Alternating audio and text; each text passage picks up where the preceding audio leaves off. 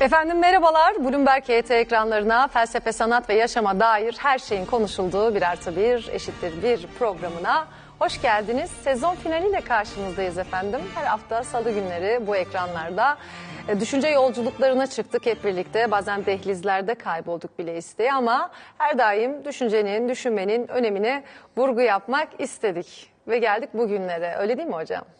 Evet. Uzun bir yolculuktu. Uzun bir maratondu. Ee, zordu diyemem, keyifliydi. Hem sayende hem ekip arkadaşlarımız sayesinde hem yönetimin bize sağladığı özgürlük sayesinde. Ama e, keyifli de olsa e, yorucu bir tarafı da vardı.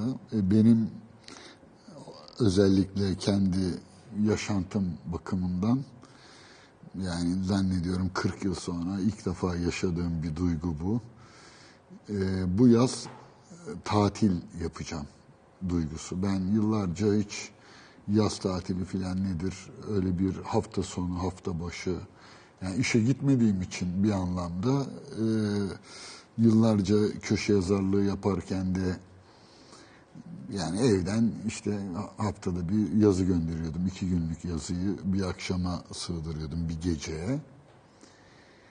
Ee, fakat bu- sene bu işte yaşadığımız 9 ayın 9 ay sebebiyle olsa gerek e, bir tatili hak etmiş görünüyoruz. Ee, yani benim açımdan en ilginç tarafı bu oldu. İlk defa düzenli olarak buraya geldim her hafta. Ee, işte dilimiz döndüğünce, kapasitemiz miktarınca Estağfurullah. e, Türkiye'de pek e, kolay olmayan, e, pek de yüz verilmeyen bir alanda, e, felsefe alanında e, düşüncelerimizi kamuoyuyla paylaştık. Sağ olsun onlar da bizi hiç yalnız bırakmadılar, teşvik ettiler. Zaten biraz da onlardan aldığımız e, o teşvikle yani bu işi buraya kadar getirmiş olduk. Ki o teşvik de her geçen gün kat be kat arttı. Bu anlamda izleyicilerimize sonsuz teşekkürler ve sayelerinde Türkiye'de bir felsefe programını yapıyor ve devam ettiriyor olduk açıkçası. Çok da keyifli. Bu haftada hem iyimserlik konuşacağız, hem karamsarlık konuşacağız, hem umut konuşacağız. Öyle bir kapanış programı yapacağız. Ama şimdi benim e, rotamda karamsarlıktan başlamak var. Siz ne dersiniz ki? Karamsarlık deyince de aklıma hemen Schopenhauer geliyor tabii ki. Alman filozof. Kendisinin bir lafı var. Ee, şey affedersin Estağfurullah. ee, şey karamsar değil Schopenhauer kötümser. kötü yani onun ayrımını birazdan konuşacağız ama kötümser, karamsar bütün bu terimlerin ve bendeki yansıması bu açıkçası ve bir lafı var diyor ki dünya mümkün dünyaların en iyisi hayat insana hediye ise ıstırap ve acı niye vardır o zaman diyor. Evet.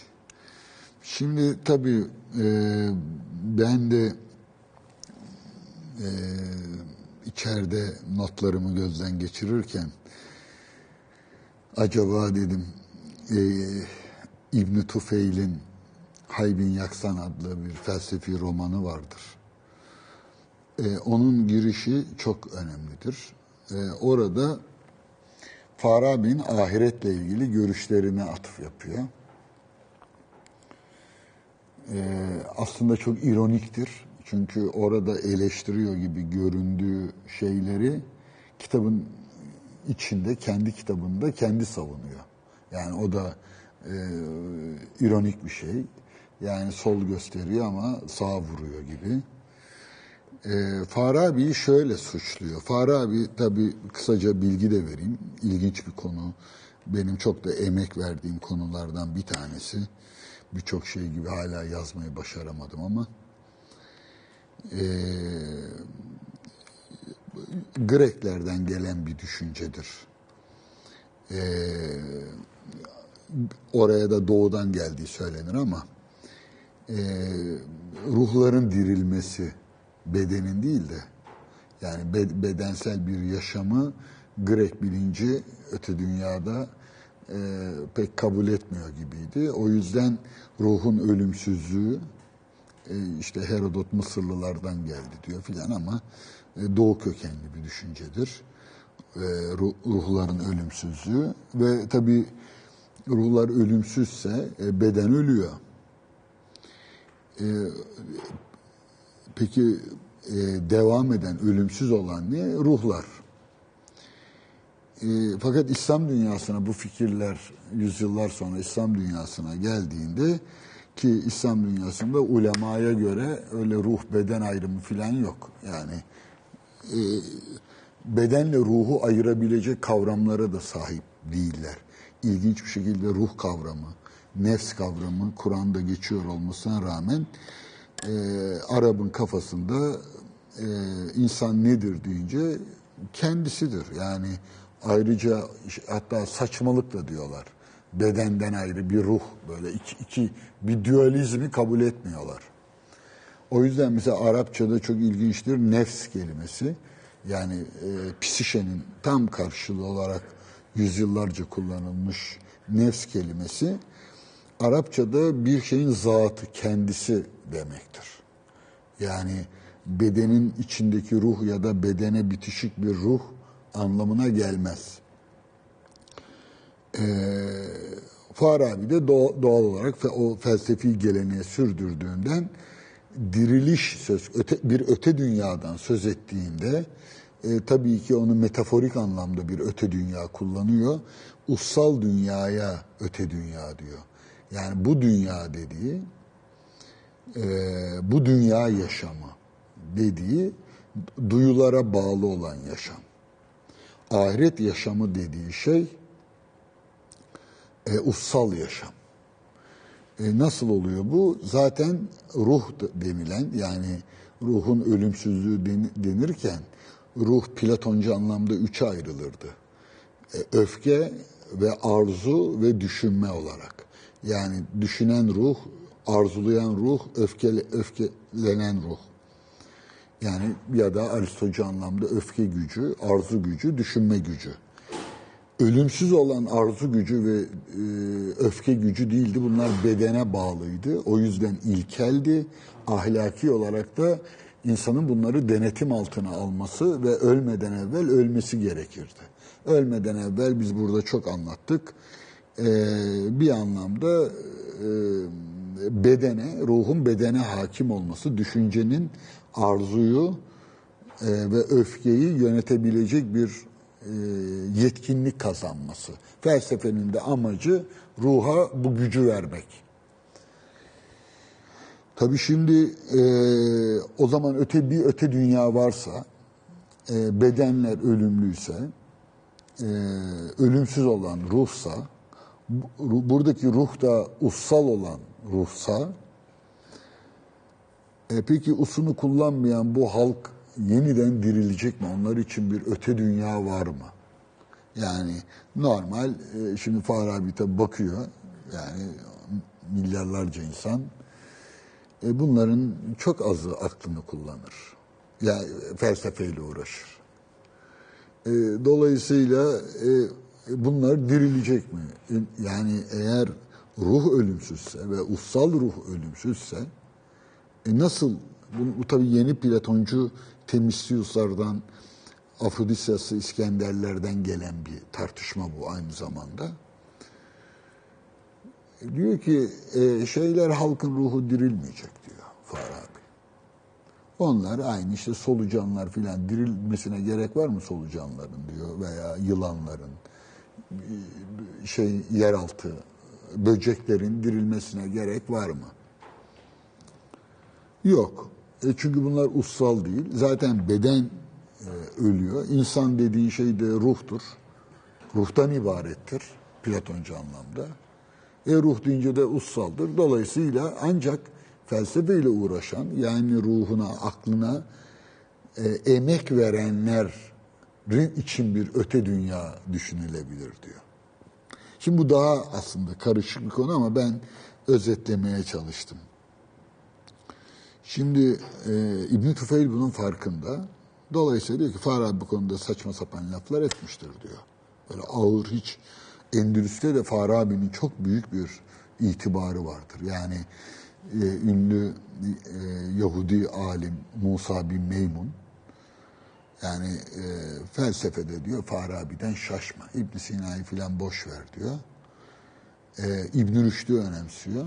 Bir de İbn Bayce. Bunların hepsi Endülüs'ü. E, İbn Rüşd'ü saraya sokan İbn Tufeil'in kendisi.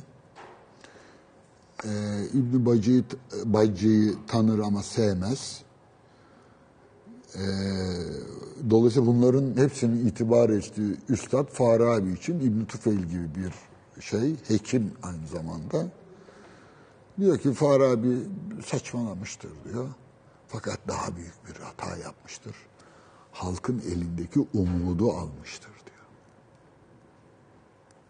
Yani e, insanlar eğer yeniden dirilemiyorsa e, ya da insanlar için bir öte dünya şansı yoksa ya sadece filozoflara veya aklına, ruhuna emek sarf edenlere bunu e, tahsis edip bahşediyorsa e, o zaman e, halkı halk ne yapacak? Yok olacak. O yüzden diyor en büyük günahı mealen e, halkı umutsuzluğa, e, halkın umudunu elinden almaktır diyor. Şimdi ben de hatta e, düşündüm e, çok karamsar ve kötümser bir yorum mu çıkacak ortaya diye. E, çünkü kanaatlerimi e, mesele kavramsal olduğunda pek geri çekemiyorum. İnançlardan konuşsak, inançlar konusunda e, kendi inançlarımı e, açıklamak konusunda bir zorunluluk duymuyorum. Çünkü düşüncelerim içerisinde onlara yer vermiyorum. Ama e, burada inançlarımdan değil düşüncelerimden söz edeceğim. Ve düşüncelerimi kavramlarla inşa ettiğime göre e, o mekanizmayı bozamam. E, bunu konuşurken daha açıklık kazanacak buradaki kaygım. E, o yüzden e, peki ortaya çıkan şey nedir? Ben bir felsefi olarak analizimi tamamlayacağım. E, izin verirsen. E, belli kavramlar var. E, o kavramlar, o kümeyi dikkate almadan tek başına umudu, e, karamsarlığı, kötümserliği tartışamayız. Hangi alandayız? Önce bunu bir bilelim. Şimdi bir, üç terimi yan yana düşünüyorum zorunlu olarak. Birincisi umut. Umut nedir? Ümit ya da ümmid Arapçası. İkincisi temenni. Hatta orada bir ümniye manası da vardır. Temenni, kuruntu, wishful thinking. Ee, üçüncüsü pek e, belki şaşıracaksın. Alakasız bir yerden geliyor gibi görünebilir çünkü. Dua. E, dua eder misin? Ederim. Yani dua ederken seni motive eden şey umut değil midir? Tam yani anlamıyla. onun kab- kabul edileceğinden kesin emin olur musun? Olamazsın. İnancınıza göre de tabii ki olamazsınız. Yani Yüzde yüz o- nasıl bir kanıt sunabilirsiniz ki? Yani e, dua edersem kesin yüzde yüz olur diyemezsin değil Mümkün mi? Dua eder sonucunu beklersin. E biz buna umut demiyor muyuz? Tam da o. Evet. Dolayısıyla duayı işin içine karıştırırsak hata etmiş olmayız. Ee, yani duada önemli Pascal'ın bir sözü var. Şimdi aklıma geldi. Hatta onu bir yazar ee, şey bu Türkçe o şeyde Türkçe ibadet filan meselesiyle ilgili ee, bir şeye katılmış zannediyorum MHP'nin bir miting şeyine. Türkçe ezan gibi mi? Yok yok. Ee, Kayseri taraflarında filan böyle bir Türk şenliği filan. Orada dualar filan hep Türkçe yapılmış. O da diyor ki ben inanmıyorum diye yazmıştı. Ee, inanmıyorum ama yani düşündüm Türkçe olsaydı belki inanırdım ben de hani Türkçe dua ama Arapça niye edeyim diyor haklı olarak. Ben de e, şöyle bir yazı yazmıştım. E, siz yanlış anlamışsınız. E, bu insanlar inandığı için dua etmezler. dua ettikleri için inanırlar. Pascal'ın sözü o. İnanmak mı istiyorsun? Diz çök ve dua et. Yani umut eee, aslında iman dediğimiz şey dua ile alakalı.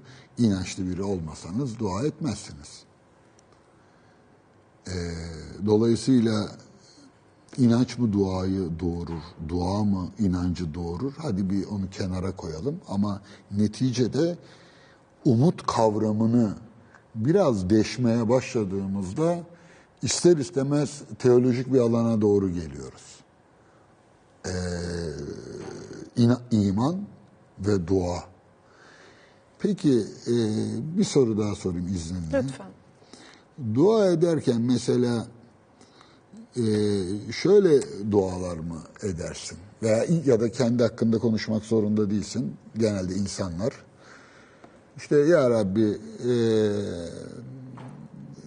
bu ay kiramı vereyim. Ya da efendime söyleyeyim e, yani olabilir.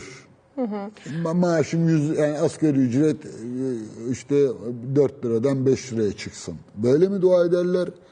Yoksa mesela e, bir e, yatım olsun, katım olsun, evim olsun. İşte e, işte kızsa Brad Pitt'le evleneyim. Brad Pitt gibi biriyle.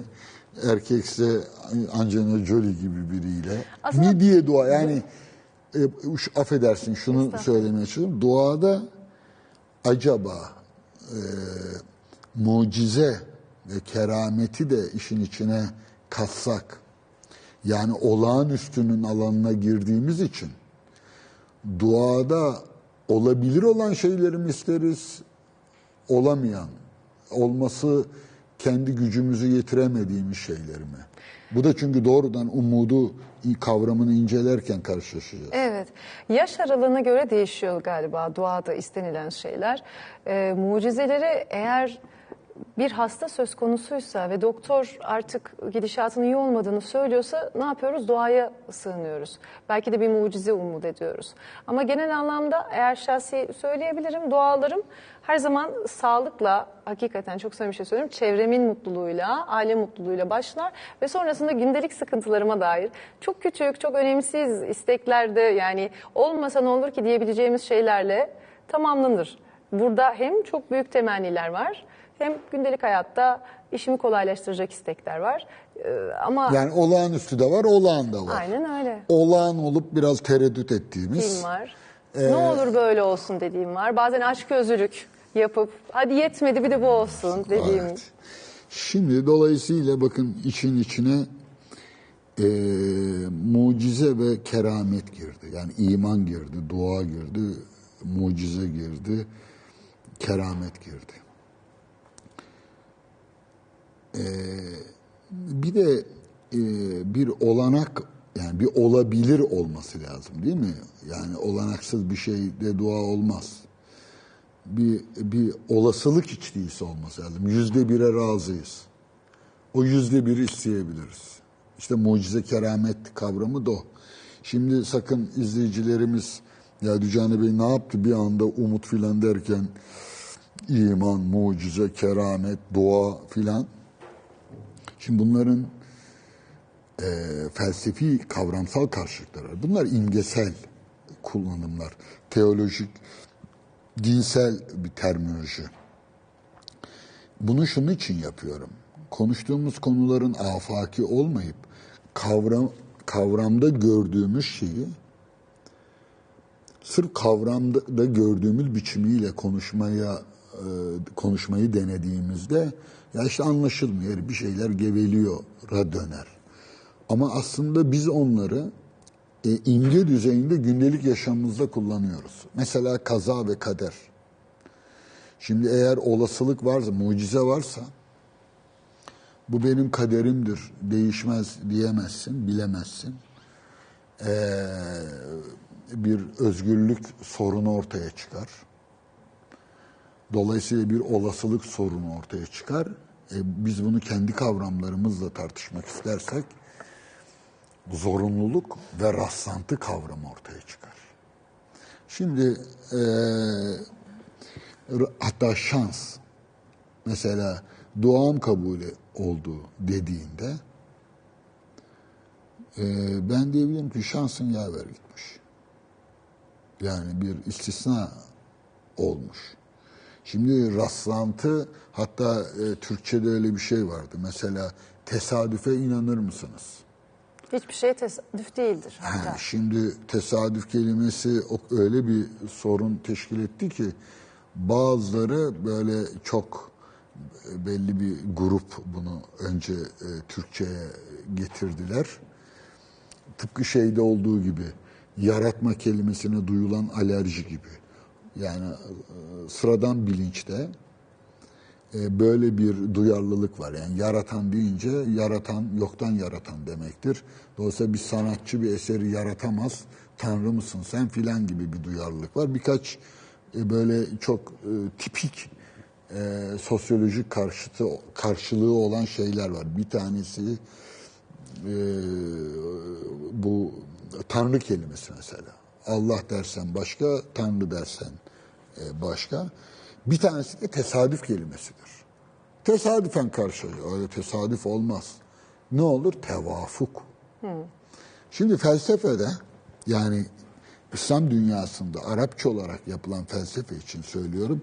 Niye buna mecburuz? Ee, çünkü Yunancalarına gittiğimiz takdirde bizim kendi kültür dünyamızda karşılığı yok. O bakımdan İslam dünyasında olup bitenden yani 9. 10. yüzyıllarda neler olup bittiğini atıf yapıyor. O da Arapça atıf yapmak. Yani o İslam felsefesi dediğimiz aslında Arapça yapılmış felsefe demektir. Dini bir terim değildir o. Ee, orada ittifak kelimesi kullanılır. Tesadüf karşılığında, rastlantı karşılığında. Ama bir kelime daha ona eşlik eder. Baht. Bir de talih vardır. Şimdi baht, talih, İttifak. e, ittifak yani rastlantı ve şans. E, dolayısıyla kaza ve kader. Şimdi e, niye e, kaçınamıyoruz? Yani umut konusunu konuşurken niçin bu denli tebir e, teolojik terimler cangılı içinde buluyoruz kendimizi? Çünkü gündelik yaşamda ne olup bittiğini konuşmak istiyorsak bunlara başvurmak zorundayız. Çünkü imgesel düzeyde bu terimler böyle çalışıyor. Şimdi ben e, yapabildiğim kadarıyla e, teknik bir açıklama yapmayı deneyeceğim. Ama bunların karşılıklarını da göstereceğim ve olumluluk, olumsuzluk oradan ortaya çıkacak. İşte bu e, şeyi de unutmayalım. Farabi meselesi aslında e, tesadüfen e, zikretmedim onu. E, ahiret öte dünya umudu var. Yani nedir öte dünya umudu? Ay cennete gideyim filan cehenneme gitmeyeyim umudu değildir o. Yani eğer e, dikkatli analiz edilirse e, insanlar öldükten sonra yaşamak konusunda böyle bir garanti bekliyor değillerdir. İnsanların ısrarla istedikleri şey, ihtiyaç duydukları asıl şey e, bu öte dünya umuduyla alakalı olarak söylüyorum. Yani çektiğimiz sıkıntıların bir şekilde bize bir geri dönüşü olacak. Belki bir hediyesi olacak. O da o daha daha da hatta daha basit bir şey. Ee, o da e, bir beklenti, ödül beklentisi filan. E, Bence o, değil. Asıl şey problem bu Hint kültüründe de vardır.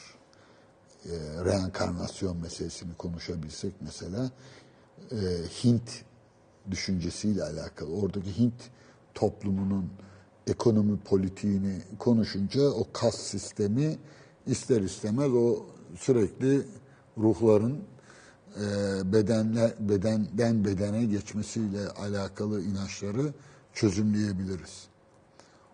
Benim tabii kişisel e, değerlendirmem ben öte dünya ihtiyacı nereden kaynaklanıyor diye sorsalar bana hiç tereddütsüz Eğer eksejer etsem Çin ve intikam duygusundan derim. Ya da adalet beklentisi diyebilirim. Yani aslında öte dünya, bu dünyada e, çektiği sıkıntıları, insanların önemli bir kısmı sıkıntı çekmezler. Kendilerine sıkıntı çektirilmiş kabul ederler. Yani bir mağduriyet duygusu vardır. Bu mağduriyet duygusu nelere kadir? Yani Türkiye'nin son 20 yılı e, bir mağduriyet duygusu analiziyle çözümlenebilir. Yani küçümsememek gerekir. Şimdi bu mağduriyet e, bir öte dünya çünkü öt- öte dünyanın başlangıcı bir mahkemeyi kübra, büyük bir mahkemeyle e, birlikte tasavvur ediliyor, imgeleniyor.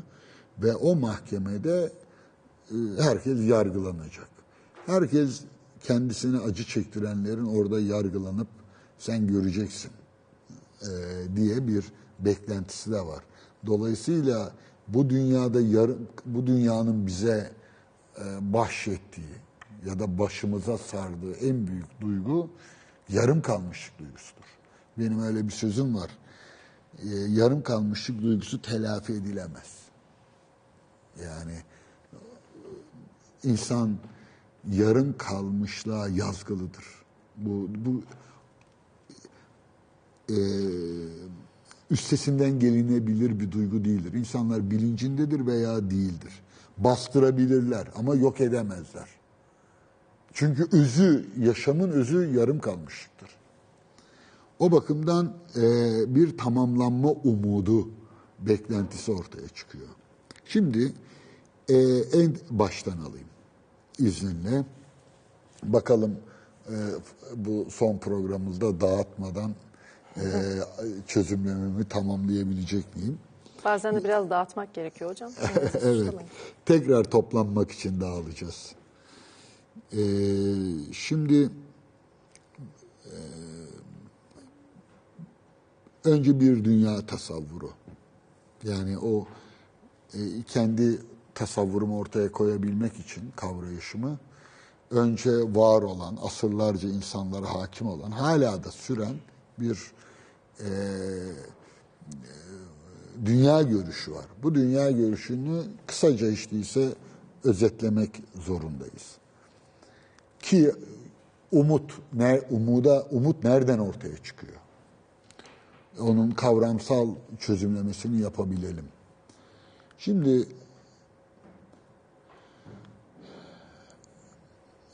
mesela bir saat e, ya da bir cep telefonu, bir iPad bunun e, çalışıp çalışmaması, işte ekran kartı yandı filan bunlar için dua eder miyiz? Etmeyiz.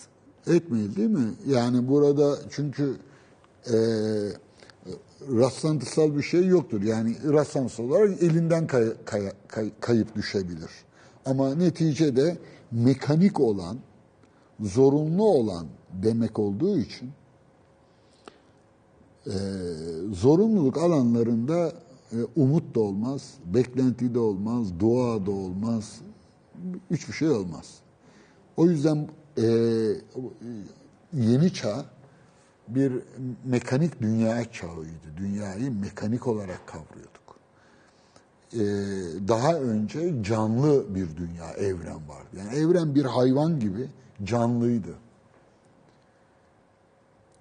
E, bütün bilim ve felsefe bu canlı dünya içinde gerçekleşiyordu. 17. yüzyılda birdenbire işte makinaların, saatlerin e, ortaya çıktığı bir dönem oldu ve işte e, Tanrı'nın e, evrenle olan ilişkisi bir saati kurma ilişkisine benzetildi. Yani Tanrı en başta evreni kurdu, bıraktı. O artık kendi yasalarına göre çalışıyor. Bize düşen o saatin, evren denen saatin nasıl çalıştığını anlamak. Bilimin de vazifesi böyle tanımlanmıştı. Şimdi benim kanaatim, benim adlandırmam yani o canlı dünya e, görüşünden mekanik dünya görüşüne Ee, şimdi ise elektromanyetik bir dünya görüşüne geçildi. Artık mekanik değil. Ama bu bir bahsi diğer. Şimdi dolayısıyla bunu bir e, önce kenara koyalım bu mekanizmayı. Yani eskiden organizmaydı evren. Hala bugün halkın zihninde öyle. Hele biz- bizim ülkemizde doğu halklarında öyledir. Evren bir organizmadır. E, organizma hastalanır. Ama mekanizma bozulur. Hatta konuşmuştuk burada. Ruh mesela hastalanır mı? Ruh hastası mesela değil mi? Türkçe'de ruh hastası tabiri var. Sen ruh hastası mısın? Ama şimdi illness bunun için illness kullanılırdı. E, ama şimdi disorder deniyor. Bozulma. Yani şu anda insanın e, nörofizyolojik yapısı bir e, makina gibi ve bozuluyor. Sıvı azalıyor, bir şey azalıyor. İşte immün sisteminde bir problem oluyor. Oraya kimyasal bir şey müdahale yapılıyor filan ve tekrar çalışmaya başlıyor. Dolayısıyla bir organizmadan değil artık bir mekanizmadan söz ediyoruz. Hastalanmadan değil bozulmadan söz ediyoruz. Şimdi bu evrende eee, bir organizma olarak düşünülürse eee, bir irade varsaymak zorundayız. Buna ne derseniz deyin, Tanrı deyin, başka bir şey deyin ama bir irade olmalı. Bir irade varsa o zaman bu irade tercihte de bulunabilir. Değil mi? Ee, tercih varsa amaç vardır. Çünkü amaç olmadan tercih olmaz. Değil mi? Yani bir ama, amacınız olduğunda o amaca uygun olarak tercihlerde bulunursunuz. Eğer amaç varsa o zaman anlam da vardır. Bütün işin özü budur benim terimlerimle. Yani önce bir istenç, bir irade, tanrısal bir irade diyebilirsiniz buna. Bu iradenin e, seçimleri var. Çünkü her şeyi aynı yapmıyor, otomatik değil. Onu öyle yapıyor, bunu böyle yapıyor filan. Kendisi de kutsal kitaplarda da açıklanıyor. Bunu şundan yaptım, bunu sizin için yaptım filan. E dolayısıyla Tanrı'nın bir amacı olması gerekiyor. İşte diyor ki şunun için yarattım sizi. Bana kulluk edin diye örneğin. O zaman amaç varsa anlam da var. Yani bu dünyada olmamızın bir anlamı var. Bu evrenin içinde olmamız. Nedir? Bu evrenin amacına uygun davranmak. Çünkü bu amaç da bir iradenin eseri. O iradeye uygun davranmak. Ee, şöyle bile diyebilirim ki Sufiler bu terminolojiyi iyi bilirler. Tanrı'nın iradesiyle kendi irademi eşleştirmem gerekir. Şimdi eee, bu durumda e, anlamlı bir evren içerisinde nefes alıp vermeye başladığımızı düşünüyoruz. Eğer böyleyse bir irade varsa o zaman umut da var. Çünkü dua da var. Yani dua ederken o bir umutla ediyorsunuz. Bir irade yani benim çizdiğim anlamda çerçevesini işteyse bir irade varsaymasanız dua eder misiniz? Yani e, şunu demeye Umut ettiğiniz biri olmadığında bir makam, Yok bir yani, umut etmek ve dua duanın eşlik ettiği bir umuttan söz ediyorum. Ee, aslında bir şey istemek değil mi? Ne isterseniz isteyin. Sağlık istiyorum dedim. Sana sağlık verebilir durumda bir iradenin varlığını kabul etmesen Dua edebilir misin? Tabii canım medet ummasanız bunu yapar mısınız? Yapmazsınız. Yapmazsınız. Yani aslında e, bu çerçeveyi doğrulamış oluyoruz o zaman. Oluyoruz. İsterseniz bir sonraki çerçeveye Tamam. reklamdan sonra geçelim hocam. Kısa bir ara akabinde buradayız.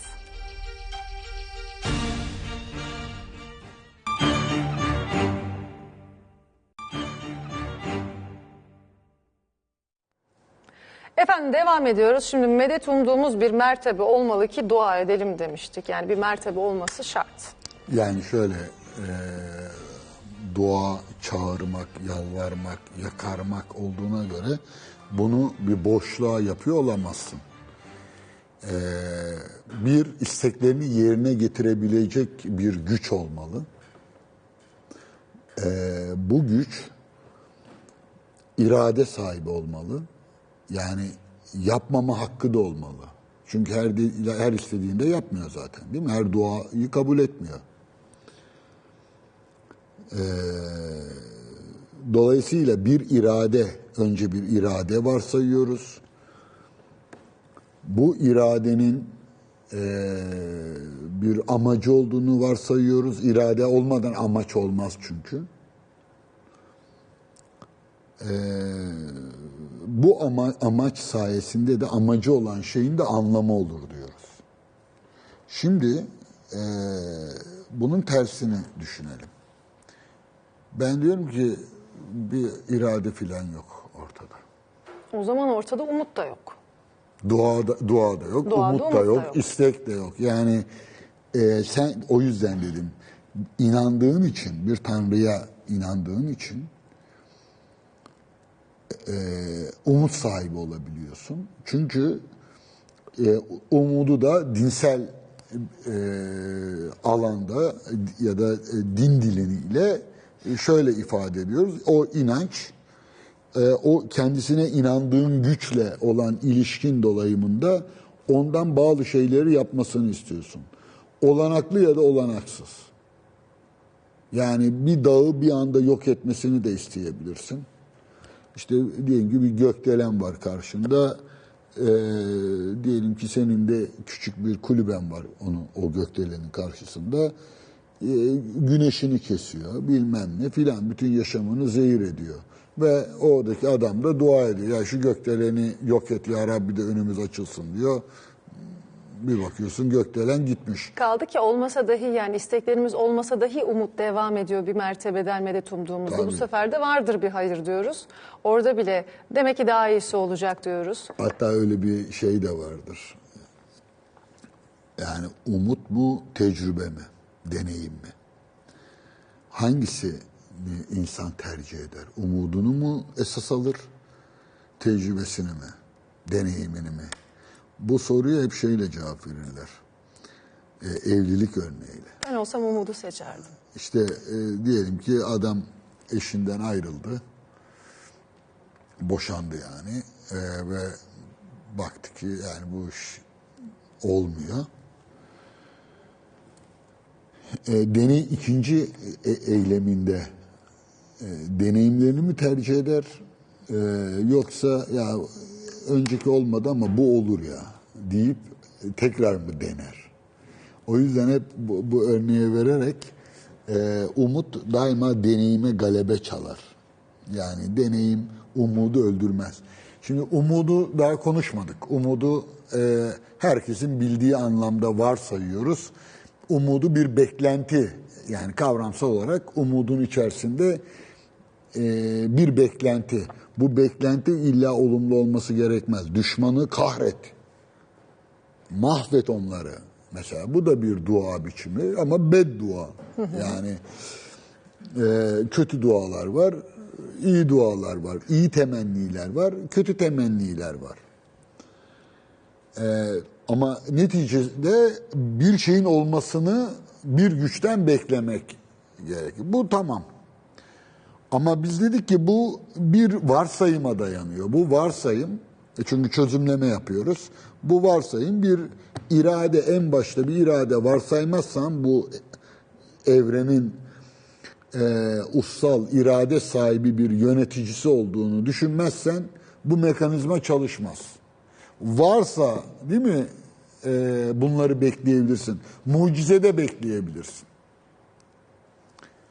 Keramet de bekleyebilirsin. Yoksa peki ne olur? Yok. Kaldın baş başa. Ha, nasıl adlandıracağız bunu? Yani çözümleme durur mu? Hayır. Şu ana kadarki çözümleme aslında umudun imgelem düzeyinde dinsel belirlenimleri ve din dili içerisindeki e, belirlenimlerini ele aldık. E, yoksa mekanizmanın kendisi bu din dilinden türemiyor. Yani birileri bunlara inandığı için kaza, kader, dua, işte ne bileyim e, baht filan falan ortaya çıkmıyor. Bu mekanizmanın kendisi var. Yani umudu dinin kendisi üretmiyor. O umut dediğimiz şey her neyse hala onu adlandırmadık veya açımlamadık. Onun kendisi din dili düzeyinde böyle ortaya çıkıyor. Fakat e, peki dini alanı bir kenara bırakalım. Bu tarafta ne oluyor? Bunların hepsi palavra. Aslında karma var. Karma. bu, bunda, bu da bir inanç. Fark etmiyor. Muayyen bir inancı kastetmiyoruz. Şimdi soruyu tekrar soruyorum. Bu varsayımdan vazgeçersek, yani bir eee, evrenin e, yöneticisi bir iradenin olmayabileceğini düşünürsek, o zaman ne, önümüzdeki tablo neye döner? Söyleyeyim, anlam, bu anlamlı dünya bir anda abese döner. Abes saçma olarak adlandırılır ama aslında e, tam olarak saçma demeyelim, amacın olmadığı yerde e, bir irade yoksa, bir zorunluluk varsa boştur her şey. Abestir yani. Şimdi bu abes sayesinde birdenbire o terimler daha seküler e, kavramlara dönüşecektir. As, aslında e, temelde de hep böyle olmuştur. Yani bu iki dünya, biri kavramsal, biri imgesel dünya yan yana yürümüştür. Ne demeye çalışıyorum? Mesela ilk aklına geleni söyle. Ee, evrenin demiyorum. Bu sefer te- terimi biraz değiştireceğim izninle. Doğanın iradesi var mı? Doğa, doğa ussal mıdır? Değildir. Değildir tabii. Yani eğitimli biri doğada yani deprem oluyor. Ee, niye deprem oluyor? E, tamamen bunun fiziksel bir şeyi var. Bir mekanizma var orada. O depremi yapan bir irade e, varsaymıyoruz değil mi bilim alanında? Deprem oluyor. Yani müsilaj niye oldu? Genelde şöyle tabii insana bağlanabilecek olan problemlerde işte doğanın kirlenmesi filan falan oralarda şeyi kurtardıklarını düşünüyorlar.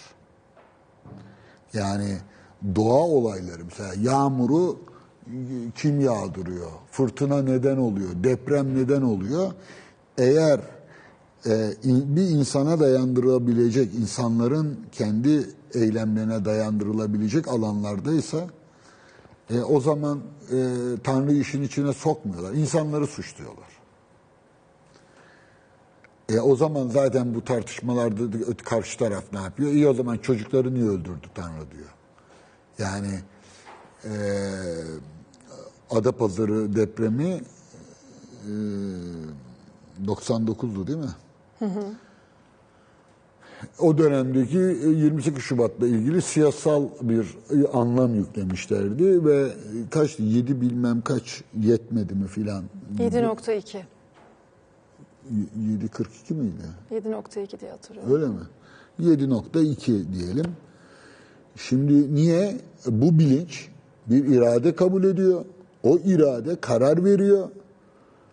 Diyor ki işte şey yap, üstelik burada benim kullarımın düşmanları olan onları üzen kaka adamları bulunduğu bölgeleri yap. İyi camiler de gidiyor. Cami cemaati de gidiyor filan. Ee, on- onlar önemli değil ama neticede mekanizmanın yani o zihniyetin, o bilincin çalışması böyle oluyor. Fakat e, biz biliyoruz ki doğada olup bitenlerin doğanın kendi bir iradesi, bir aklı yok. Bu, bunun için dindar olup olmamaya gerek yok. Ya, herhangi bir tanrıya inansın inanmasın birçok insan doğanın kendinde amacı olduğunu varsayabiliyor. Yani felsefede de var bu. Ee, şeyin e, Platonların, Sokrates'le Platon'un, Aristoteles'in e, felsefedeki en büyük problemlerinden biri budur. Yani şeyi amaç, teleolojiyi felsefenin içerisine öyle bir dahil ettiler ki asırlarca çıkmadı. Yani biz işte 18. yüzyılları bekledik. Yani bir amaç koyuyor. Şey e, Anaxagoras'ı eleştirirken e, Sokrates e, Anaxagoras'ın kitabını aldım diyor şeyden. Ya okudum çok akıl akıl diyor filan falan. Bir baktım diyor yani hep diyor taşları maçları anlatıyor diyor. Bilim yapıyor diyor yani. E bunlar niye oluyor? Bunların amacı ne? E onlardan hiç söz etmiyor. Bıraktım diyor. Şimdi bu çok önemli bir e, eleştiridir ve e, Sokrates ve Platon'dan sonra her şeyin bir hikmeti var, her şeyin bir amacı var. Bu garip bir biçimde doğanın amacının olması bilimin bugünlere gelmesini sağladı. Yani bu aslında yanlış bir inançtı. Yüklenen bir inanç. Yani doğada olan değil, doğaya yüklenen bir şeydi. Ama bu sayede yani bu, bu- bunun için birçok örnek verilebilir. Ee, o amacı keşfetmek için o bilimsel e, araştırmalarda hep motivasyon nedeni oldu. Şimdi e, tekrar başa sararsak böyle bir irade varsayımından vazgeçildiğinde mesela doğa örneğinde olduğu gibi doğanın doğa bir irade eseri değilse. Çünkü biz irade kavramını felsefede doğaya değil toplumda kurarız. Yani toplumun bir iradesinden bir iradesi olup olmadığından ya da bireylerin iradesinin olup olmadığından söz ederiz ki bunu da reddedenler var. Yani öyle bir irade insanın da iradesi filan Spinoza'da mesela bunlar da palavra diyenler var. İnsan öyle özgür özgür değildir diye. Ama neticede bu, bu da çünkü aynı çağın. Yani evrende irade yoksa o zaman insanda niye olsun? İnsan da o doğanın e, do- bir parçası olarak. İşte Tanrı veya doğa demesi Spinoza'nın bundan kaynaklanıyordu. Şimdi peki irade e, olursa amaç oluyor, amaç olursa e, anlam oluyordu. İrade yoksa amaç yok. Amaç yoksa anlam yok. Anlam yoksa beklenti ne duruma geliyor? Yani e, o zaman dua edilebilir mi? Mümkün değil. Beklenti sıfırlanır. Yani köylüler hani e, yağmur doğasına çıkarlar ya. E diyelim ki e, şey e, öyle bir köy varsayalım ki o köyde kimse bir şeye inanmıyor hani çıkmaz eskiden o eskiden olsa yani e, Marksist arkadaşlarımdan özür dileyerek söylüyorum. Komünistler derler ya Allahsız kitapsızlar filan. Adamlara çok haksızlık yapıldı. Ee, komünist bir köy olsa. İşte Tunceli'de bir tane var. Ee, bir, bir değerli bir belediye başkanı da var orada. Komünist bir köy olsa Olsa. Onlar yağmur doğasına çıkar mı? Hocam yani çıkabilirler. Ya ama diyelim ki köylüler hepsi din, min, hepimiz ateistiz diyorlar. Ee, inanmıyoruz, materyalistiz, devrimciyiz filan diyorlar. Ateistlerse çıkamazlar. Ha çıkama. E ne olacak o adamlar peki yağmur e, gelmiyor? Hepsi şey mi böyle psikolojisi bozuk patolojik adamlar mıdır? Dindar bilince sorsan öyle diyeceklerdir. Yani inanmıyorsa zaten ya sapık olur ya bilmem ne olur ama öyle değil. Şimdi o yüzden umuda bu sefer seküler alanda umudu yakalamaya çalışıyoruz. Kaldı E- ki zaten yağmur dualarına çıktıklarında da yağmur yağacak diye bir şey yok. Yok. Şimdi abes dedim. Bu abes o kadar önemli ki eğer bir tanrı varsa abes yoktur. Saçma yoktur. İşte varoluşçuluğun en önemli tabirlerinden biridir bu. Camus filan hatırlayın. Saçma. Saçma ne biliyor musun? Bomboş. Bir şeyi nasıl başlıyordu L'étranger? Camus işte dün annem öldü onu gömdük filan değil mi? Öyle, öyle bir şeydi. Ee, yani kötüyle iyi arasında fark yok. Her şey sıradanlaşıyor. Her şey anlamını yitiriyor. İrade yoksa bütün evren anlamını yitiriyor. Çünkü amacını yitiriyor. Yani ne olacak? Evren nereye gidiyor bilmiyoruz. Yarın başımıza ne gelecek onu bilmiyoruz. Ha, Şimdi Evren peki umut burada e, umut peki e, bu ateistlerin filan umudu yok mu materyalistlerin? Yani eğer böyle bir irade varsayımı da bulunmuyorlarsa e, bu adamlar bunu nasıl açıklayabilirler? Yaşamın yani bu kadar anlamsız bir yaşamın içerisinde Yani o dinsel dinsel terminolojiyi kenara koyduk. O bir varsayımın sonucuydu. Onu gösterdik. Şimdi aslında modern çağı aslında e, resmet, resmediyorum. Tam tersine bu varsayımdan vazgeçtik. Yukarıda ne bir şey var, irade var, ne o, o iradenin amacı var, e, ne de bu e, şeyin e, yapının, bu evrenin ya da doğanın anlamı var. Dolayısıyla aldığınız nefesin de mi bir anlamı yok günün sonunda? İşte öyle mi? Ee, ben diyorum ki burada e, kavramların yani beklenti yok mu? Bir ateistin umudu olmaz mı? Mesela hakikaten sormak isterim hiç düşünmüşler midir acaba? Ya ateistler umut eder mi? Bakın ateistler dua eder mi desem saçma, oksamoron bir ifade olacak. Ben şöyle soruyorum. Ee, bir ateist e, umut eder mi? E, ediyorsa bunu nasıl açıklar?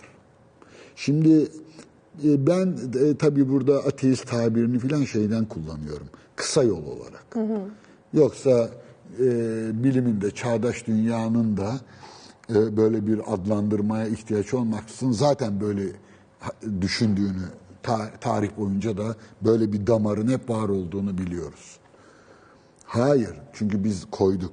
Biz inançlardan dolayı umudun ortaya çıktığını söylemiyoruz. Umut ihtiyacı dinden bağımsız olarak din, teist ya da ateist bu ihtiyacın, beklenti ihtiyacının en temel insani ihtiyaç olduğunu ama imgelem düzeyinde, inanç dilinde, din dilinde e, bu tür bir e, vokabüleri, bu tür bir e, terminoloji türettiğini, bu terminoloji içerisinde düşünürseniz her şey kapalı bir evren, işte tepesinde bir irade var, o iradeye bağlı olarak her şey var. Sen olmazı bile oldurur, e, imkansızı yapar. Çünkü o onun gücü sınırsız olduğu için evren onun evreni zaten. Dolayısıyla ne istersen olabilir. Burada mucizeler, kerametler, e, her şey mümkün. O yüzden İslam dünyasında mesela eşarilik hala böyledir ne yazık ki. Sünni dünya nedensellik inancına sahip olmayı becerememiştir. Ee, çok ilginç, bu çok büyük bir zayıflık gibi görünür değil mi? Nedenselliğe inanmıyorsun. Yani şimdi mesela sıcak ateşi değdirsem elime ne olur? Yanarsınız. Tamam. Peki seçimlere gireceğim. Yüzde yani üç kişi bile bana ailem bile yani annem, ablam, eşim, işte kızlarım filan soruyorsunuz. Dücane adaylığını koyacak diye vallahi vermeyiz onunla. O, o kendini yönetemiyor, milleti mi yönetecek diyorlar. Buna rağmen ben de e, şey yapıp adaylığımı koy filan. Ne düşünürsünüz? Yani e, çok enteresan yani gereksiz bir umuda kapılmış gibi mi düşünmek gerekli acaba? Hayır ama ben mucizelere inanıyorum. Yani şöyle bir mucize olur belki ertesi gün seçilirim. Tabii ki öyle bir seçeneğiniz var. Var mı? Ama eldeki bütün veriler bunun neredeyse olanaksız olduğunu gösteriyor. Yani ben eldeki verilere göre dükkanım var. Eldeki verilere göre iflas etmişim. Belli olmaz diyorum. Bekleyelim birkaç bu hafta belki filan. Öyle yaşayan insanlar var hocam. Şimdi ben diyorum ki bakın Türkiye'de siyaset böyle gidiyor zaten. Yani nedensellik bu nedenler bu sonuçları doğurur. Ya Türkiye'de en fazla eee,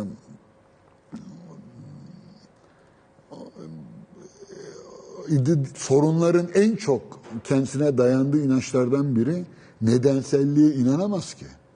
Yani mesela bakın bu e, Almanca'da olmaz mesela, Fransızca'da olmaz ama Türkçe'de en okunmuş yazmış olanlarının bile. Yani hatta e, şeyde Milliyet'te bir şey vardı. Yaşlı bir yazar vefat etti, dilciydi. Bu Meydan Larus'un ekibinden filan böyle Türkçe'de duyarlılığı olan biriydi. E, o bir yazı yazmıştı. E, ben de onlarca örnek verdim. Ne ne de. Şimdi ya ya da hem hem de ne ne de. Değil mi? Ne bu eve girebilirsin ne de e, benden bundan sonra bir yardım alabilirsin. Mi ne bu eve giremezsin ne, ne yapamazsın. Ne ne de kalıbı Türkçe'de kullanıldığında fiilin olumlu gelmesi lazım. Bunu tartışılmıştı bu e, bir ara. Bu arada sırada gündeme gelir. Ne ne de kalıbı ent ve da o da e, olumlu fiille mi bitmeli, olumsuz fiille mi bitmeli? Olumlu fiille bittiği zaman kulağa da mantıklı geliyor. Yüzde birdir. En eğitimlileri bile hala nene deyi olumsuz bitiriyor. Yapamıyor.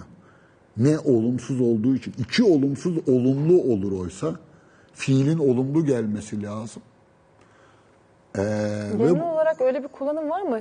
Ne bunu yapamazsın, ne bardaktan içemezsin, ne de sürahiden su koyamazsın. e, şimdi ör- örnekleri ona göre tabii yani iki tane fiilin Yani yanlış geliyor zaten, bağırıyor sanki. Olumsuz İşte biraz daha zaman. düşünüp daha iyi bir örnek e, bulmam lazım ama şu anda kafam başka bir tarafta e, işlediği için e, örnek gelmiyor ama dinleyenler anlıyordur. Değilse e,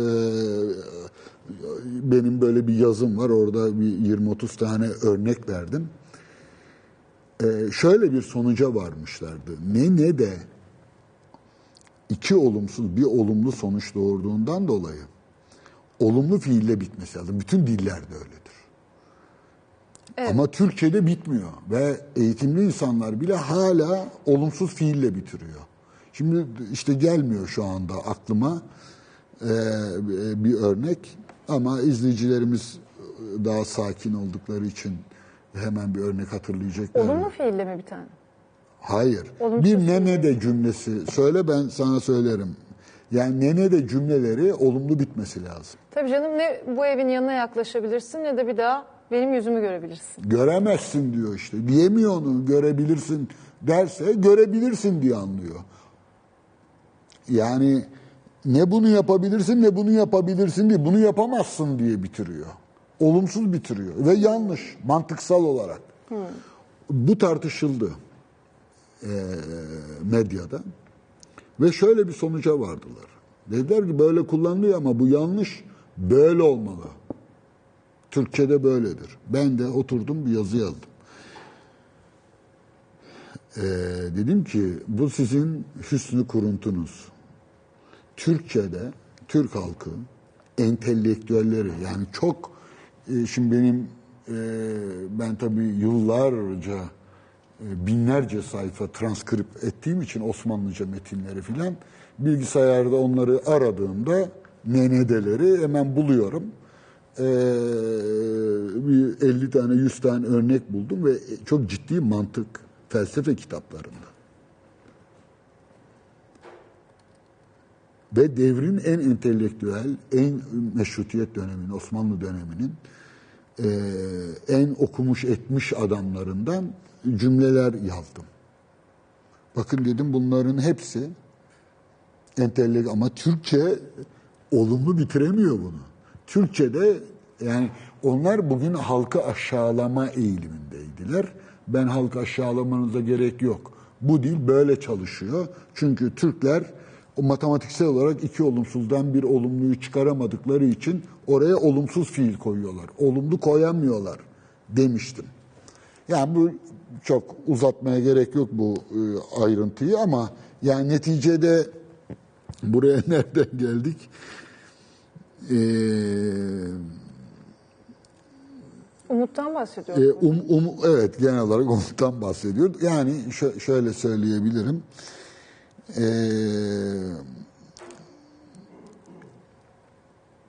ortada bir irade var sayılmadığı takdirde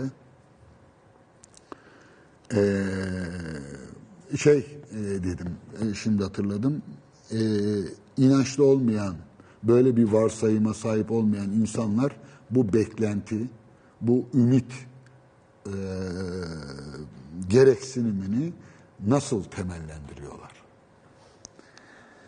Yani um- umut onlar için ne? Yani inanan bir insan duayı anlatır, mucizeyi anlatır, kerameti anlatır filan. E inanmayan bunların kavramsal karşılığı, kendisindeki psikolojik karşılıklarını, beklenti duygusunu nasıl anlatır? Yani hiç bu tür bir mekanizmayı kabul etmeyen biri, aşık olduğu dünya güzeli kızın kendisine pas verme ihtimali yüzde bir değilse bile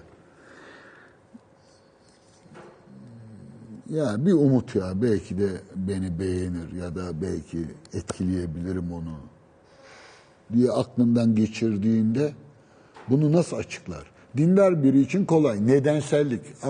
Şey tamam. Nedensellikle alakalı. Nedensellik mekanizması sünni düşüncede yoktur. Nedenselliği kullanamaz. Oradan da geldim dedim ki siyasette de nedensellik kullanılmaz. O yüzden en bilinçsiz kitleler siyasette daha başarılıdırlar. Niye? Çünkü en olanaksız olduğu durumda bile yani iflas ettiği halde dükkanında bekleyebilir çünkü mucize bekliyor.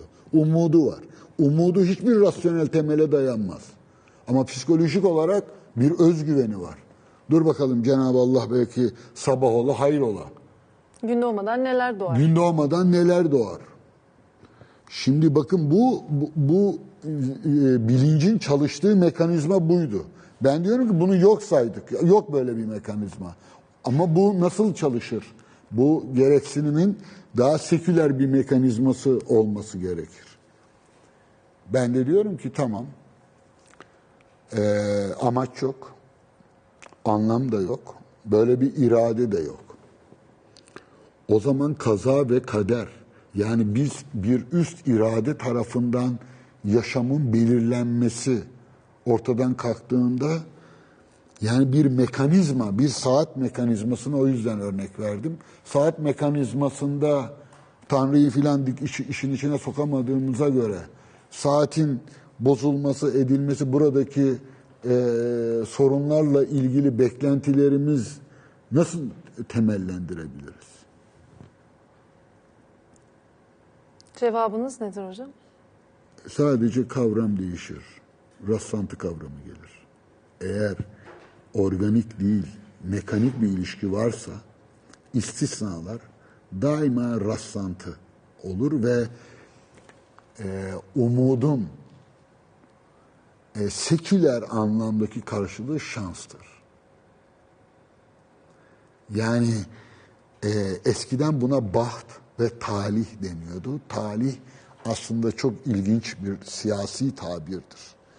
Ee, mesela yıldızı parlamak. Ee, aslı H ile bitmez biliyorsun. Talih değil, taliye. Orada bir ayın harfi vardır. Dolayısıyla talidir o.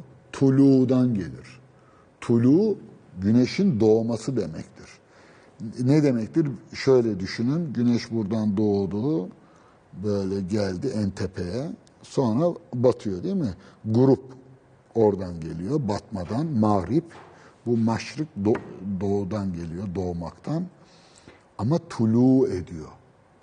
Yıldızı parlamak dedikleri bu işte. Bu eski astronomiyle ve dolayısıyla astrolojiyle alakalı yıldızı parlamak esas itibariyle eee, sizin burcunuzun burcunuzla alakalı yıldızın belli bir şekilde yükselmesi.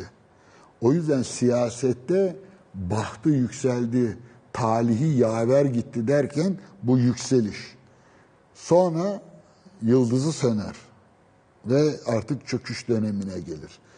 Aslında bu da zorunludur. Dikkat edin astronomi biliminin biraz imgeyle e, daha e, nasıl söyleyeyim hurafelerle biraz e, şey yaparak süslenerek başka bir e, mahiyet kazanması ve devletlerin, hanedanların filan bütün ba- başlarına gelenlerin yıldızlarının doğması ve batmasıyla ilgilendirildiğini ya da ilgili olarak yorumlandığını biliyoruz.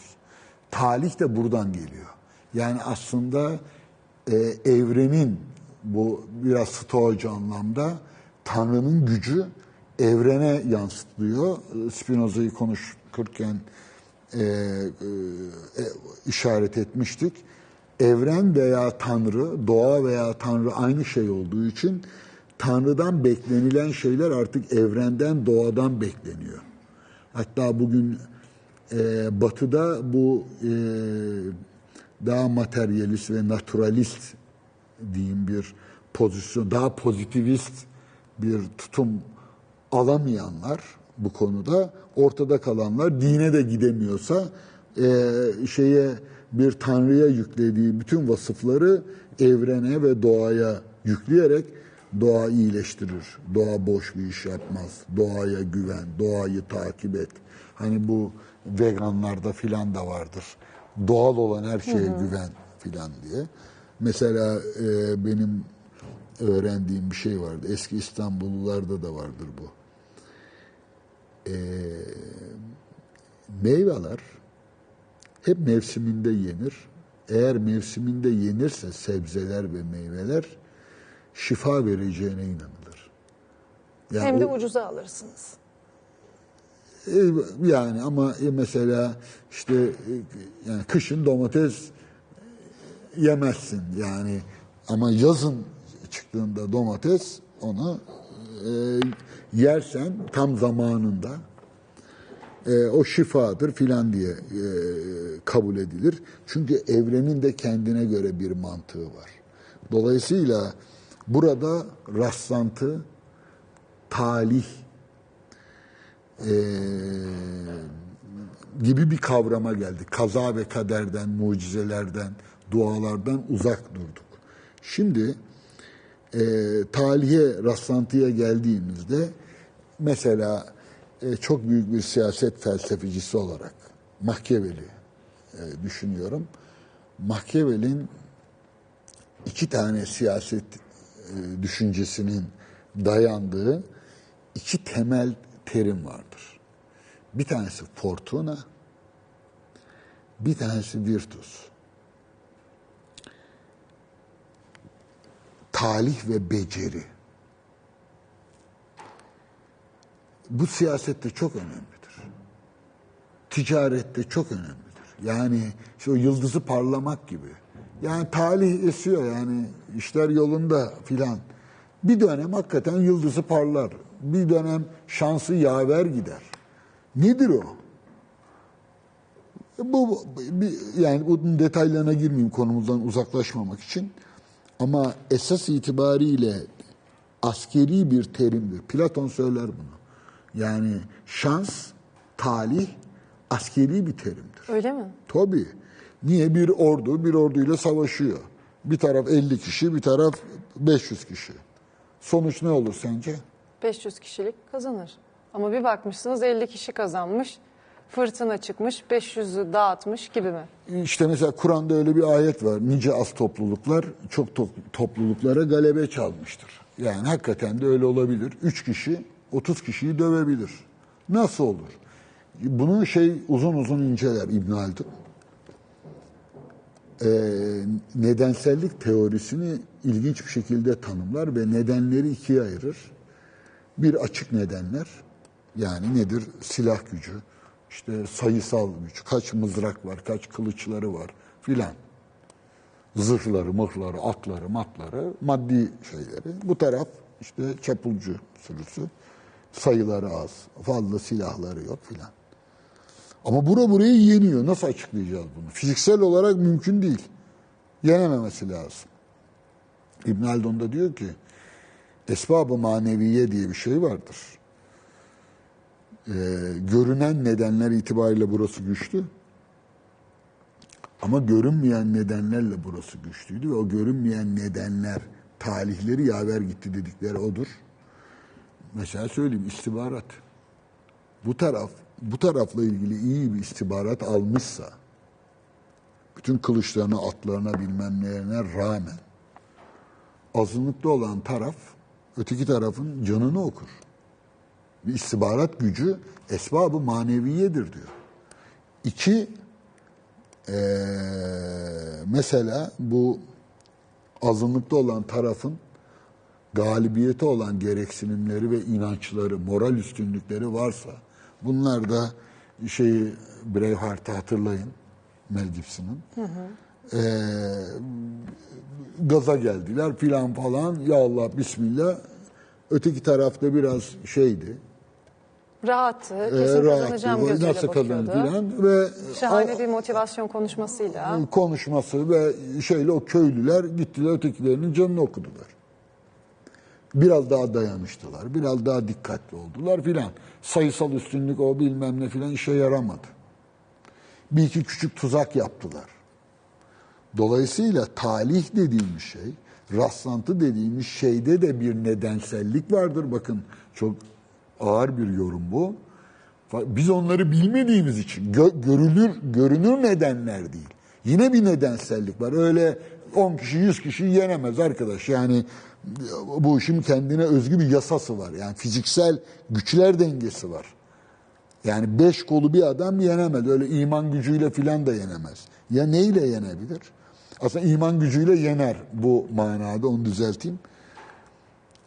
Görünmeyen nedensellik mekanizmaları görünen nedensellik mekanizmasını alt etmiş olabilir diyor.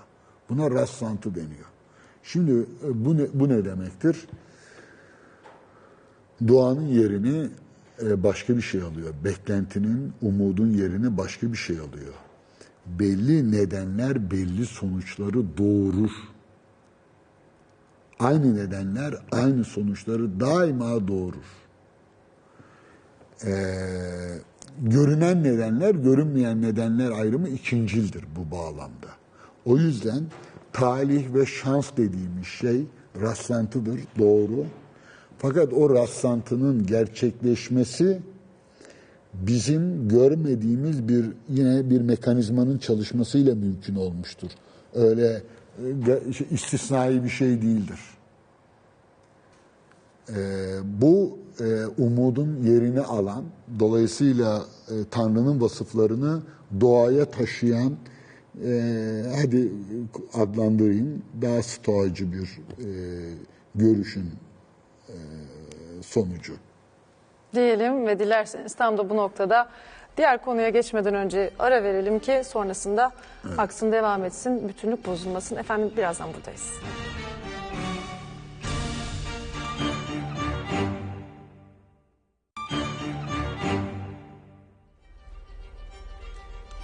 Efendim devam ediyoruz. Şimdi program başında da demiştik ya Schopenhauer'dan konuşurken o, o karamsar değil kötümser oluyor aslında diye. Bu karamsarlıkla kötümserlik arasındaki fark. Az- Aslında işte o e, tam da o şimdi artık bu temelden sonra iki e, farklı dili, iki e, biri doğa doğada bir amaçlılık arıyor. Biri doğaüstü bir varlığa amaçlılık atfediyor ve e, dua, umut, bütün beklentiler ister senin şans, talih deyin e, bu iki e, dil arasında geliyor.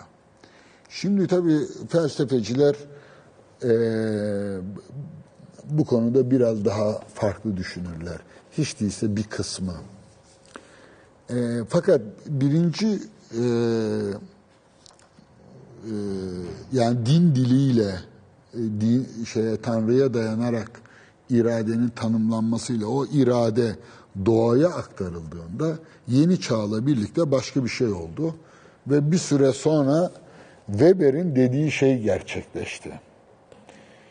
E, Modern bilimin ortaya çıkmasını, modern çağı Weber büyü bozumuna benzetir.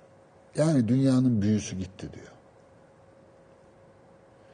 Şimdi dünyanın büyüsünün gitmesi iki şeyde çöktü. Yani antik çağlarda Tanrı veya doğaya yüklenen o e, irade, anlamlılık, amaçlılık ve anlamlılık onun karşısında da büyük bir e, zorunluluk rastlantı e, ikilemi e, ortaya çıktığında e, yeni çağa geldiğinde bu iki şey e, değişmeye başladı. Birincisi hala bir şekilde devam ediyor ve e, zayıf kitlelerin, geniş kitlelerin, eğitimsiz kitlelerin hala yaşamda kalma, hatta zaman zaman galebe çalma e, olanağı oluyor. E, hala yaşamsal değeri var çünkü psikolojik bir e, süreç bu. Fiziksel olarak açıklayamıyoruz. Bu psikolojik süreci e, fiziksel e, dünyaya aktardığımızda işte stoacı bir başka nedenselliğe e, dönüyor. Şimdi ben e, bu e, düşünceyi bir örnekle e, çözümlemek isterim. Sık verdiğim bir örnektir bu. Ama işe yarar. Çünkü umut, e, umutla ilgili söyleyeceğim her şeyi aslında kendi söylemiş kabul ediyorum. E, duayı örnek verirken bunu e, yaptım ve bu örnekle de tamamlayacağım. Şimdi dua e, zorunlu alanlarda dua edilmez. Yani mesela şöyle bir soru sorsam size. İki kere ikinin dört etmesi için dua eder misin? Etmem. Niçin? İki kere iki dörttür çünkü. Zorunludur. Yani iki kere ikinin dört etmesi zorunludur. O yüzden dua etmezsiniz değil mi? Demek ki varlığı zorunlu olan alanda dua edilmez. Peki iki kere ikinin beş etmesi için dua eder misiniz? Onu da etmem.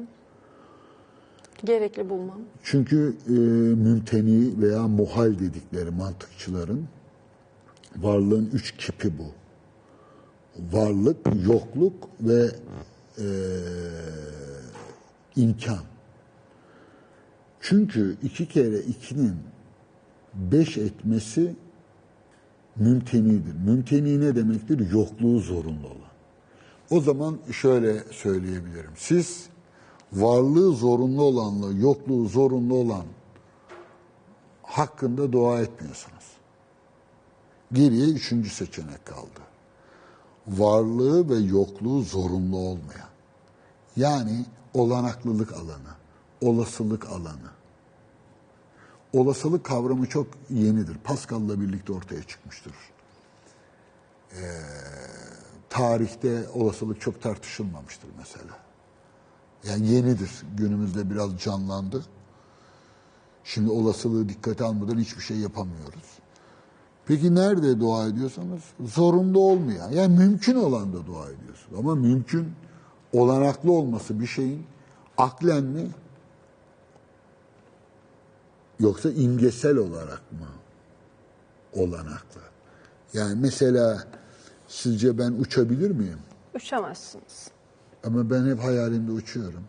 Hepimizin öyle bir hayali var ama uçamazsınız. Bunun için eğer dua ederseniz de yani sizi biraz sorgulamak gerekir. diyorsun. E, ama e, o zaman imkan kavramı hayalde imkan değil. Değil mi? Yani iki kere ikinin e, beş etmesi mümkün değil. vacip ve e, mümteni derlerdi. Zorunlu ve olanaksız. Olanaklı yani olabilir de dua ediyorsunuz o zaman.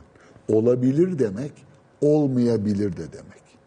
Yani olabilir iki tarafa da eşittir. Olabilir va- varlığı da düşünülebilir yokluğu da düşünülebilir. Bunu bilmiyorsunuz. Yani ya Rabbi beni iyileştir diyorsun. Mümkün. Ee, doktor üç gün ömrün kaldı demişse Orada da umut devreye girer. Girer mi? Girer. Bence girmez. Herkes için geçerli olmaz. Yok. E, e, yani ruhsal, e, zihinsel yeteneklerini insanların bir şeyin olacağını bilmeleri başka. Yani bilir öleceğini. Ama e, öyle değilmiş gibi davranmayı tercih edebilir. Yoksa o da yani herkes e, eğer Allah kimsenin başına vermesin diyeceğiz ama herkese e, veriyor. E, nihayetinde gideceğini, gitmeyeceğini insan hisseder ve orada e, duanın yönü ve biçimleri değişir. Umut değişir. Umut e, mümkünle alakalıdır. Eğer zorunluluk zorunluluğa dönüşüyorsa olanak e, dua imkanı azalır. Kabullenme başlar.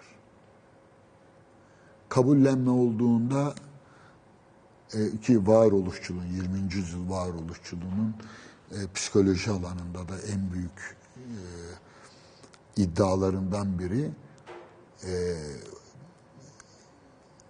var olan var oluyorsa onu öyle e, kabul etmek, ondan hoşnut olmak, kabullenmek esasına dayanır. Yani bizde sufiler buna rıza lokması derler. Yani oluyorsa ölüyorsak ölüyoruz yani. Fakirsek fakiriz yani. E, abartmaya gerek yok. Yola devam.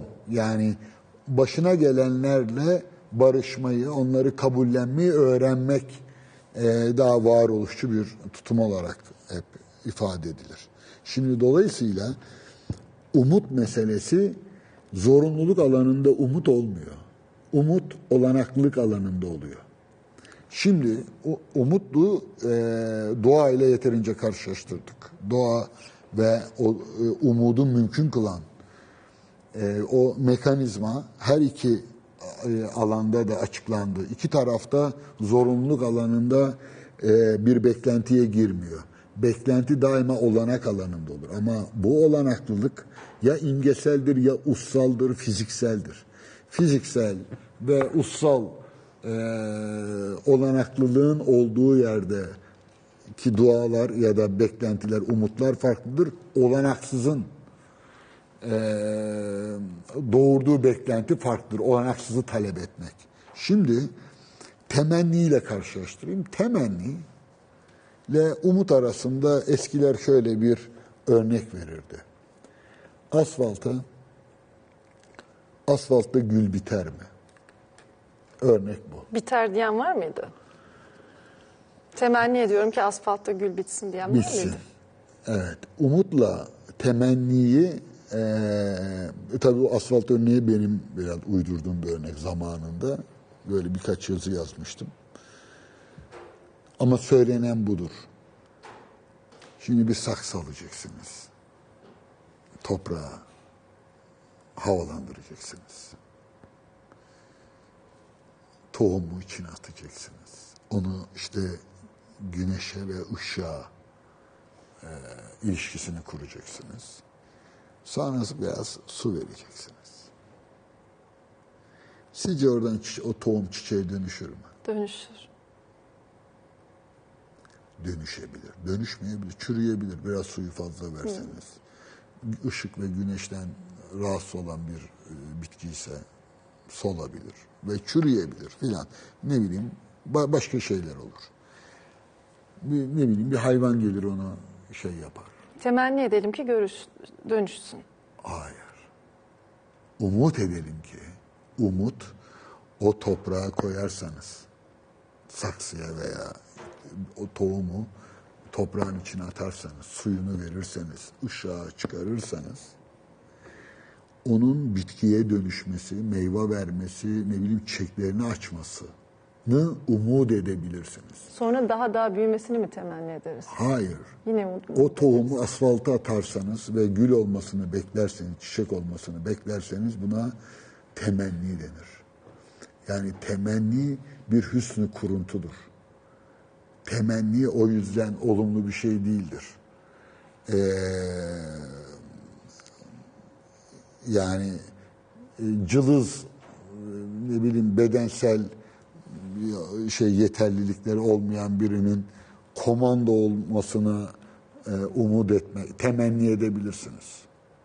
Ya da fazla gelişmemiş bir zekanın Einstein olabileceğini temenni edebilirsiniz. Aslında gündelik hayatı olumlu anlamda kullanıyoruz. Hani mutlu olmana temenni ederim gibi. İşte temenni çünkü aslında temenni gerekli nedensellik, yapı çaba gösterilmeksizin onu hak etmemiş olanın tabii temenni edersin. Evladının eee, başbakan veya cumhurbaşkanı olmasını temenni eder mi bir anne? Eder. E peki bu çocuktan başbakan ya da cumhurbaşkanı olur mu? Bir bak bakalım. Yani çocuk küçük olması gerekmez lisede, üniversitede filan. E şimdi ama anne temenni eder. Niye? Çünkü o çocuğun e, olması gereken şeylerle ilgili ne çabası var, ne bir isteği var, ne koşulları filan uygun. Ama şunu umut edebilir anne.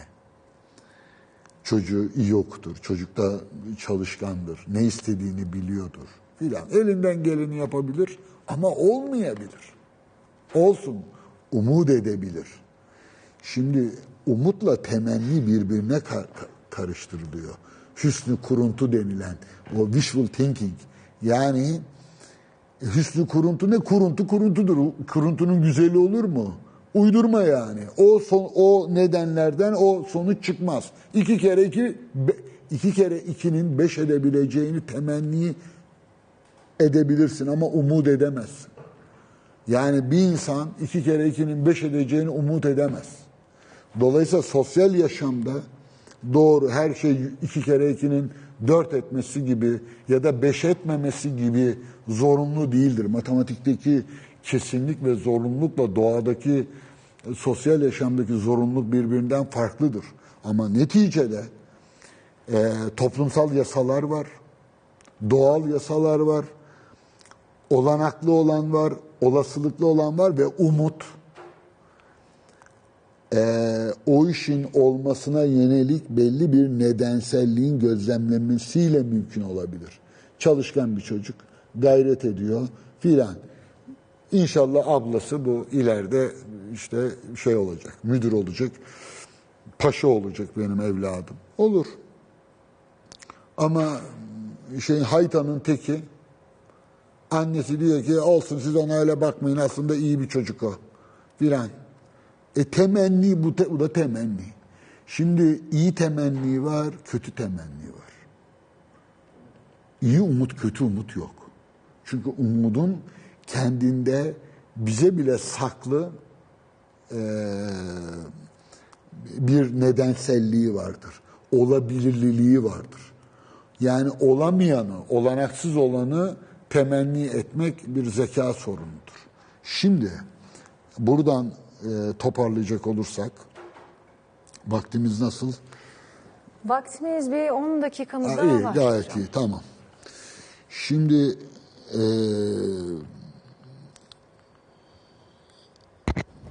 umutla temenni arasındaki farkı bu şekilde koyduğumuzda temenniyi e, o sonucu doğura- do- doğuracak nedenlerden mahrum olmasına rağmen onun o şekilde olmasını istemek. Yani çalışmıyorum, etmiyorum. Mesela ben e, söyleyeyim size çok yaygın e, temenniler vardır. Ben yaşamım boyunca e, kendimi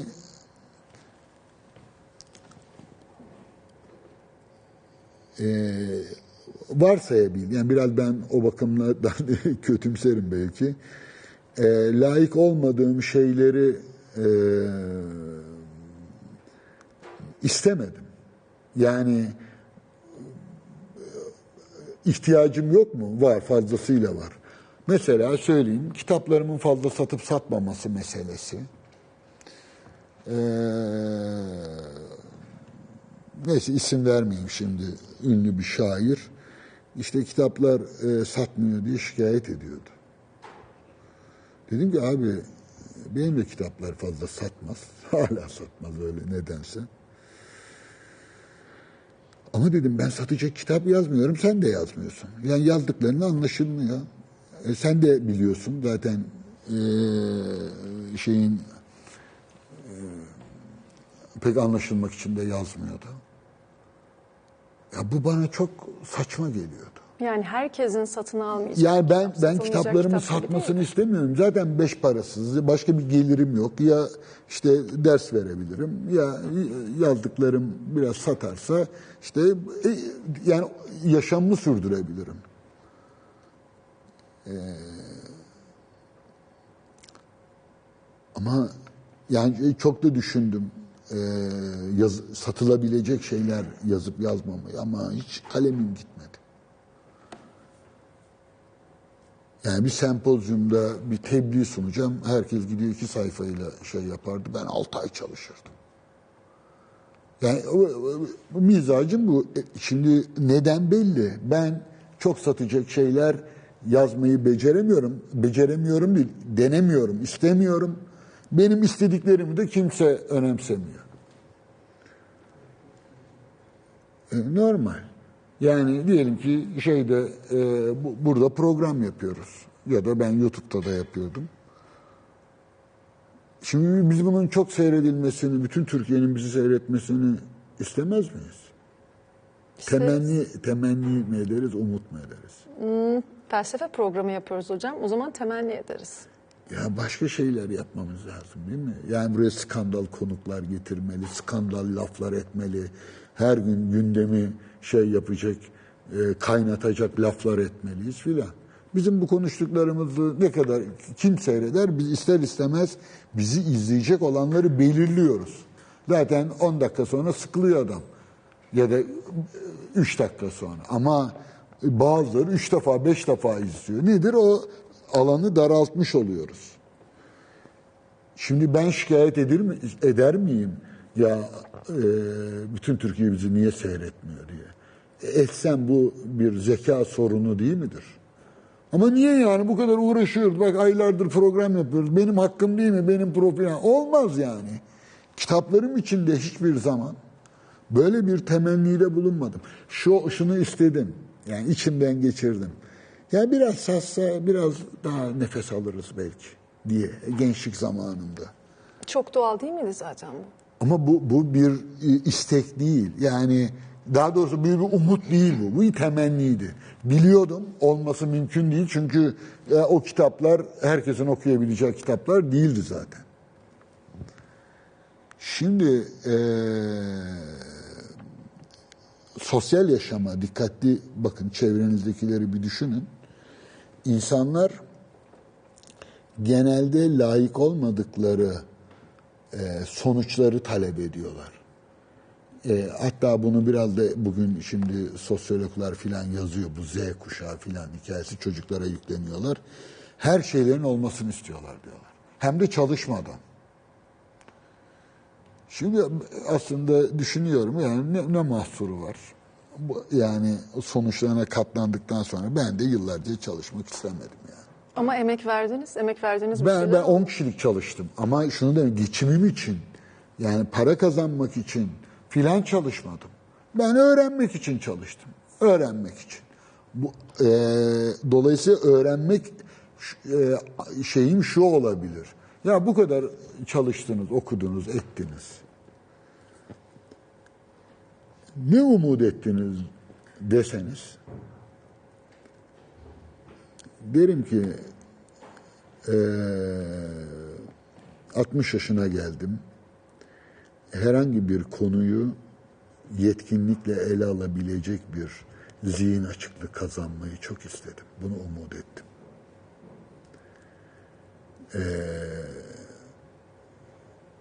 bu yaptıklarımın hiçbirinden e, ekonomik olarak e, bir şöhret veya zenginlik kazanmayı murad etmedim. Gelse de pek hayır demezdim belki. Öğrenmeyi umut ettim. Ama biraz kuyruğu dik tutacak kadar e, işte kitaplar satsın filanı da temenni ettim. Olmayacağını bile bile. Şimdi temenni ile umut arasında bir fark vardır. Şimdi karamsarlıkla kötümserlik arasındaki farka, o Schopenhauer'la ilgili soruna bu kadar iki saat sonra yanıt vereyim. Ee, dünyanın nasıl çalıştığını, yani doğa yasalarını ve toplum yasalarını ve insan tinselliğinin yasalarını bilen biri e, bir kere temenni etmez. Umut temenni anlamında umudu kesinlikle etmez. Yani temenni anlamındaki umut imgelem düzeyindedir. Nedir o? Mucize olmasını beklemek. Hiç beklediniz mi diye sor. Ömrüm öyle geçti. Niye? O, olması ayakta kalmaya çalışıyorsun. Nefes almaya çalışıyorsun. Ee, bunları tercihlerimle yapabileceğimi biliyordum. Ee,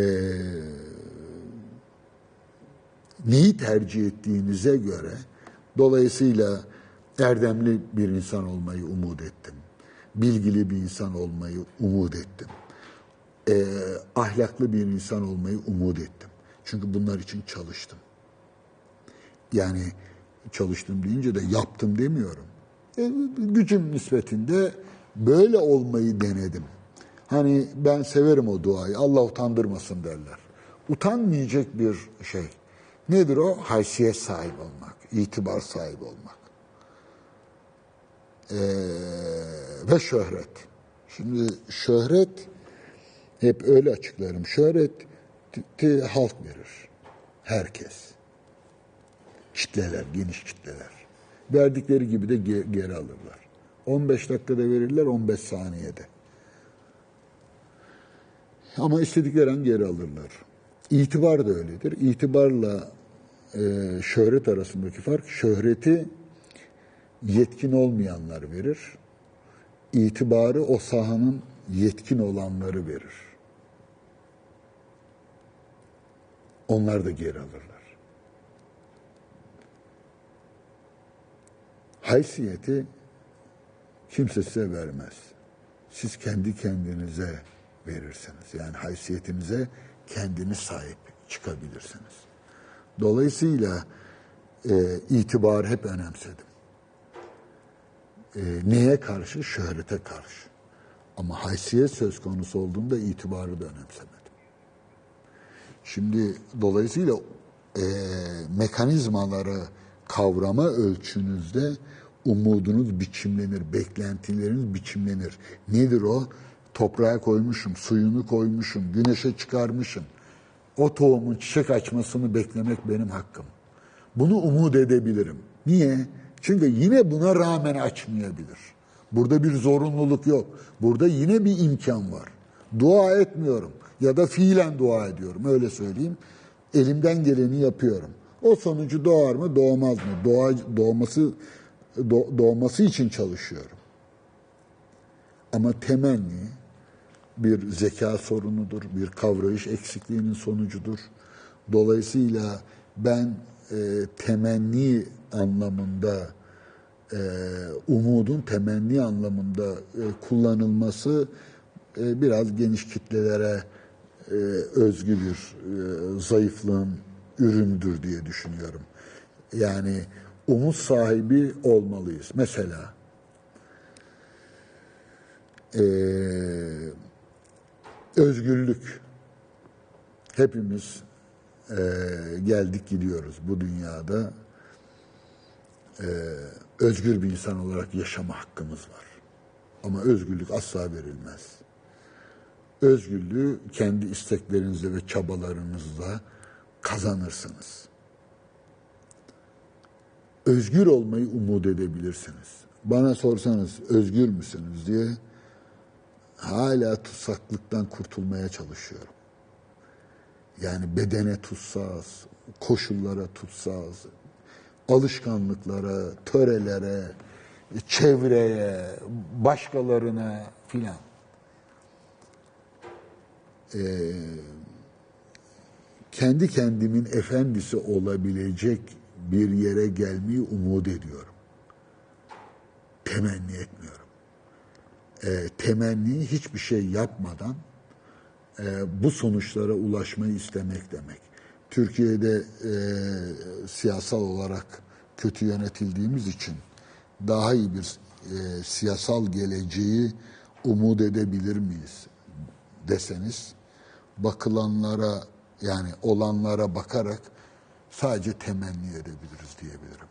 O yüzden ben e, gelecekten e, ancak temenni anlamında e, umutlu olabileceğimizi düşünüyorum.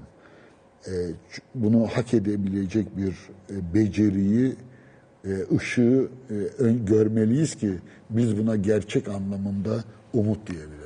Di- diyebilirim evet. Umudu konuştuğumuz bir program oldu ama kapanışa doğru tabii ki temenni de işin içerisine giriyor günün sonunda. Efendim bir artı bir eşittir bir programı an itibariyle sezon finali yapıyor. Dediğim gibi umudu konuştuğumuz bir program oldu. Umutsuzluğu daha çok. Umutsuz, aslında umutsuz karamsarlığın içerisinde belki umut aradığımız bir program oldu diyebiliriz. Yıl boyunca da keza sanata felsefeye dair pek çok konuyu konuştuk, dile getirdik. İsteriz ki, umut ederim ki, diyeyim umut ederiz ki kısa bir aranın ardından, yaz döneminin ardından e, kaldığımız yerden devam edelim. Görüşmek üzere.